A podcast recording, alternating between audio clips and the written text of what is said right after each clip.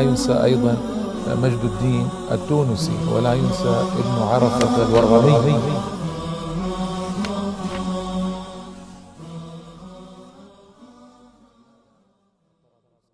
بسم الله الرحمن الرحيم.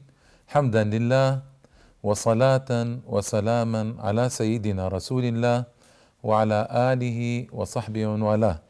أما بعد الإخوة والأخوات السلام عليكم ورحمة الله تعالى وبركاته.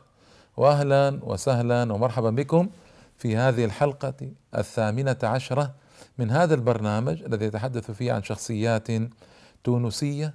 كان لها أثر عظيم وعمل جليل في دنيا الناس. وشخصية هذه الحلقة اليوم هي أبو الفضل عباس ابن عيسى ابن عباس الممسي. الذي توفي رحمة الله تعالى عليه سنة ثلاثمائة وأربع وثلاثين قبل ألف ومائة سنة يعني لمن ضيع التاريخ الهجري. سنة ثلاثمائة وأربع وثلاثين مقتولا شهيدا بإذن الله في الوادي المالح بالقرب من القيروان مع في معركة مع بني عبيد لعنهم الله. الذي جرى أيها الإخوة والأخوات أن هذا الرجل عالم وعالم كبير وذكرت لكم الحلقة الماضية حلقة آه، أبي جعفر القمودي أنه هو الذي زكى أبا جعفر وقال هذا هو العالم. حقا بالله يعني عندما سأل أحد تلامذته سأل أبا الفضل عباس الممسي قال له كيف علم أبي جعفر؟ فنهره وقال علمه فوق ما نحن فيه ووراء ما نحن فيه يعني أفضل مما نحن فيه. وهذه نظرة صائبة من أبي الفضل الممسي رحمة الله تعالى عليه. هو عالم كبير. وفي الوقت نفسه كان ورعا عجيب الورع. يحكي أحد أصحابه يقول جاءني كعك من القيروان وكنا بسوسة.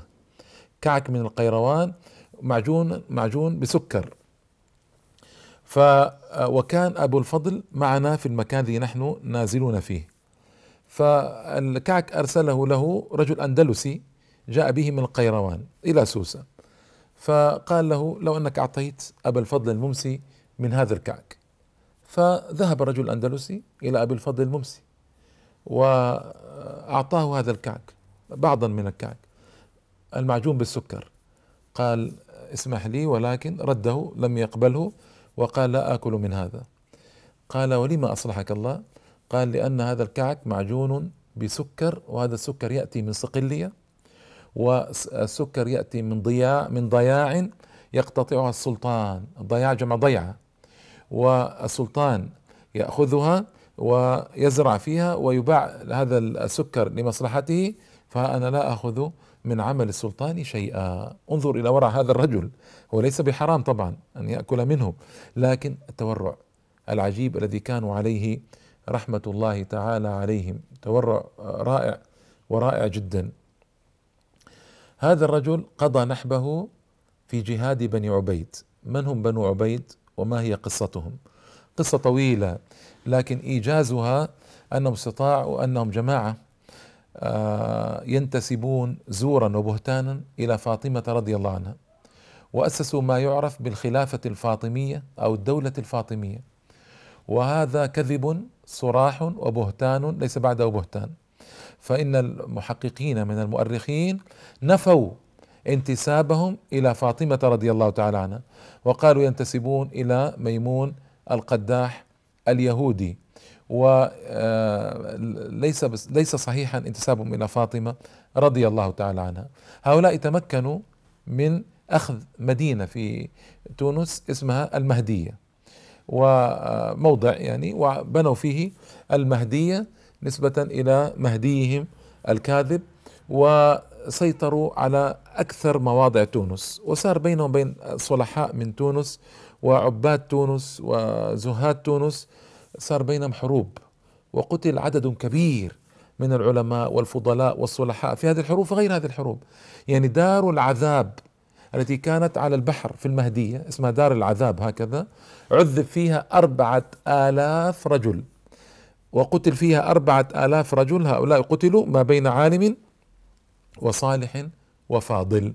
أربعة آلاف. تصوروا في دار دار العذاب التي في المهدية. فهؤلاء ساموا المسلمين سوء العذاب وكانوا إسماعيلية باطنية. إسماعيلية باطنية يعني كفار.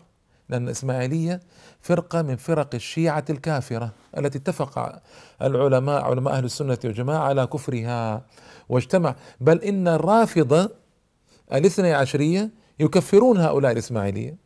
ف يعني هي فرقة كافرة بإجماع المسلمين واستطاعوا الاستيلاء على أكثر أجزاء تونس وفعلوا بها الأفاعيل هنا طبعا أبو الفضل الممسي جاءه الناس وقالوا له ماذا نصنع بهذه الدولة؟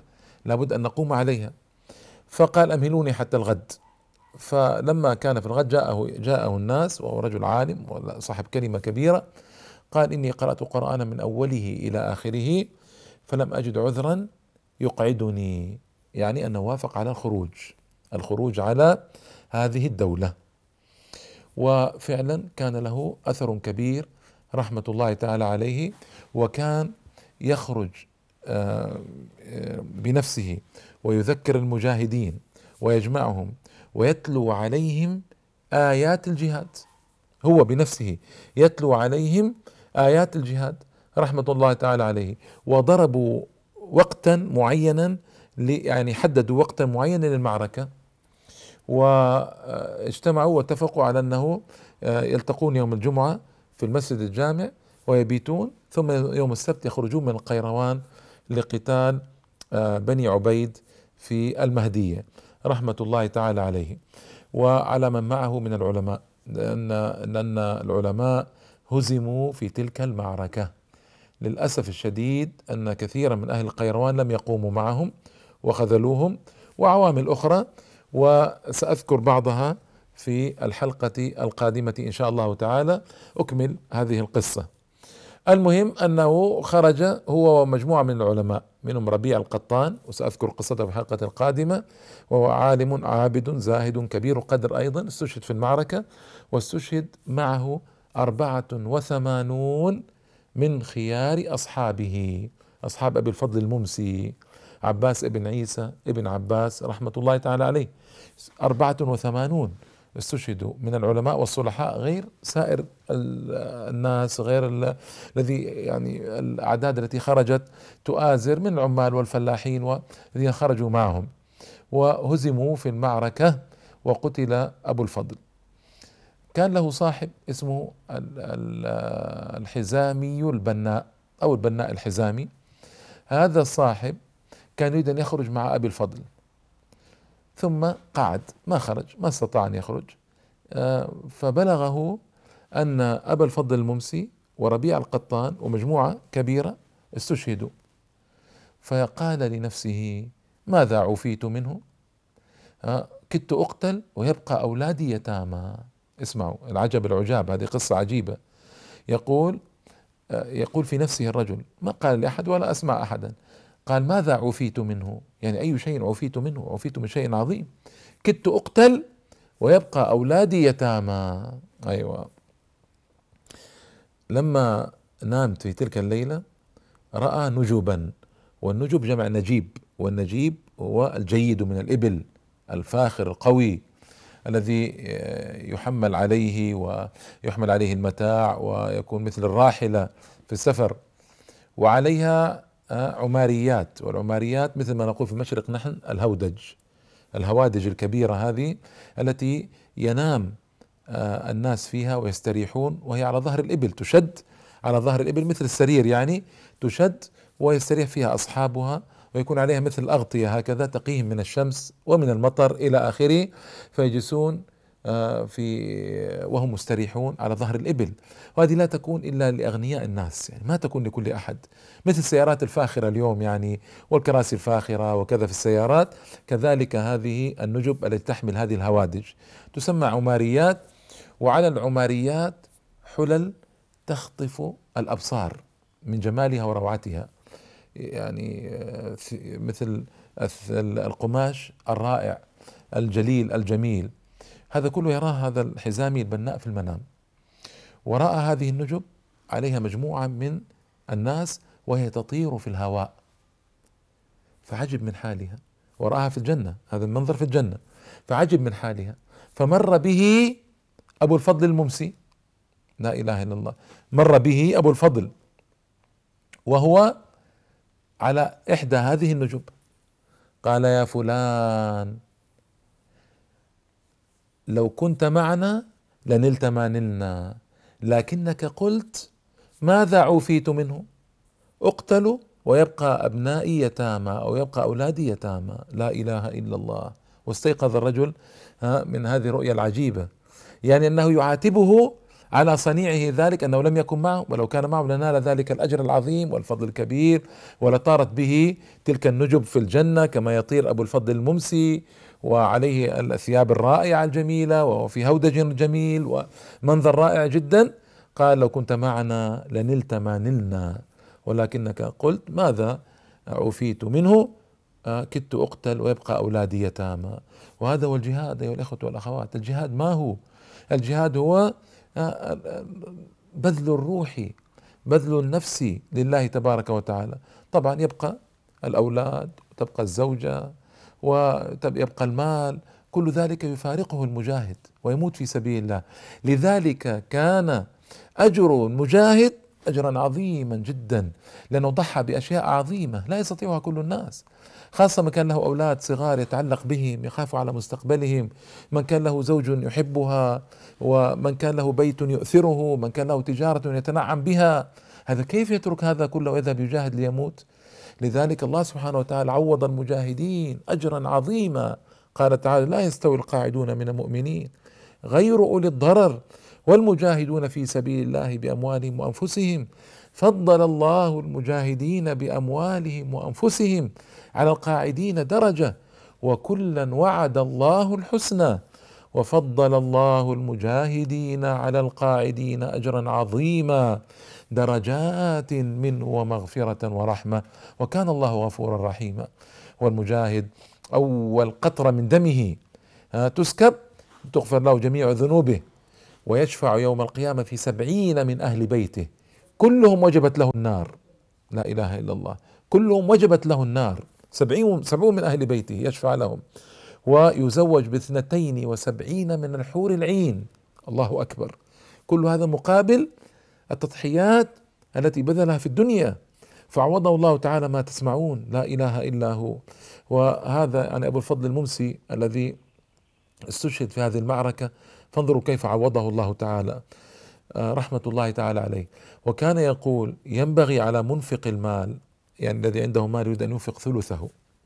وكان جماعات من السلف من العباد وزهاد وأصحاب الأموال يتصدقون بثلث أموالهم دائما.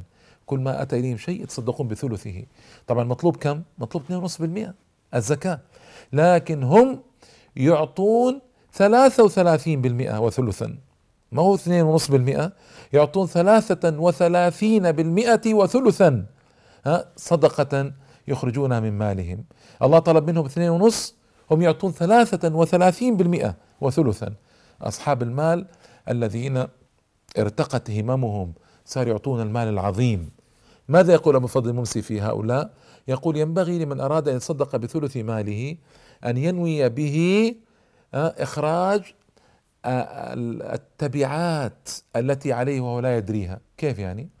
بعض الناس تلزمه تبعات على أناس آخرين. إما ما أعطاهم مالهم كاملا إما ظلمهم في شيء وهو لا يدري إما نقص من أجر وهو لا يدري إما عمل شيئا من هذا وهو لا يدري فتكون تبعة تلزمه يوم القيامة. أيوة يكون شيئا ملصقا به يطالب به يوم القيامة. قال فعلى الذي يريد أن يتصدق بثلث ماله أن يبادر ويعطي لكن ينوي أن يخرج اولا بها التبعات التي تلزمه. طيب فإن لم تكن تبعات يكون له الأجر كاملا إن شاء الله تعالى. يكون له الأجر كامل ما تصدق به. وإن كان عليه تبعات تكون مما تصدق به. وهذا ذكاء من أبي الفضل الممسي. يرشد أصحاب الأموال كيف يفعلون بأموالهم؟ وكيف تتصدقون؟ قلت لكم رجل عالم والعالم هو الذي يخرج منه مثل هذا الكلام الجليل. ورجل عابد ورجل مجاهد ورجل ورع ورجل زاهد يكفيه أنه بذل روحه لله تبارك وتعالى وتوفي شهيدا سعيدا بإذن الله في الوادي المالح بالقرب من القيروان في قتال بني عبيد سنة 34 و300 قبل 1100 سنة بالضبط من الآن. رحمة الله تعالى على هذا العابد الكبير أبي الفضل عباس ابن عيسى ابن عباس الممسي وألحقنا به في عليين. إنه ولي ذلك والقادر عليه. إلى اللقاء. والسلام عليكم ورحمة الله تعالى وبركاته.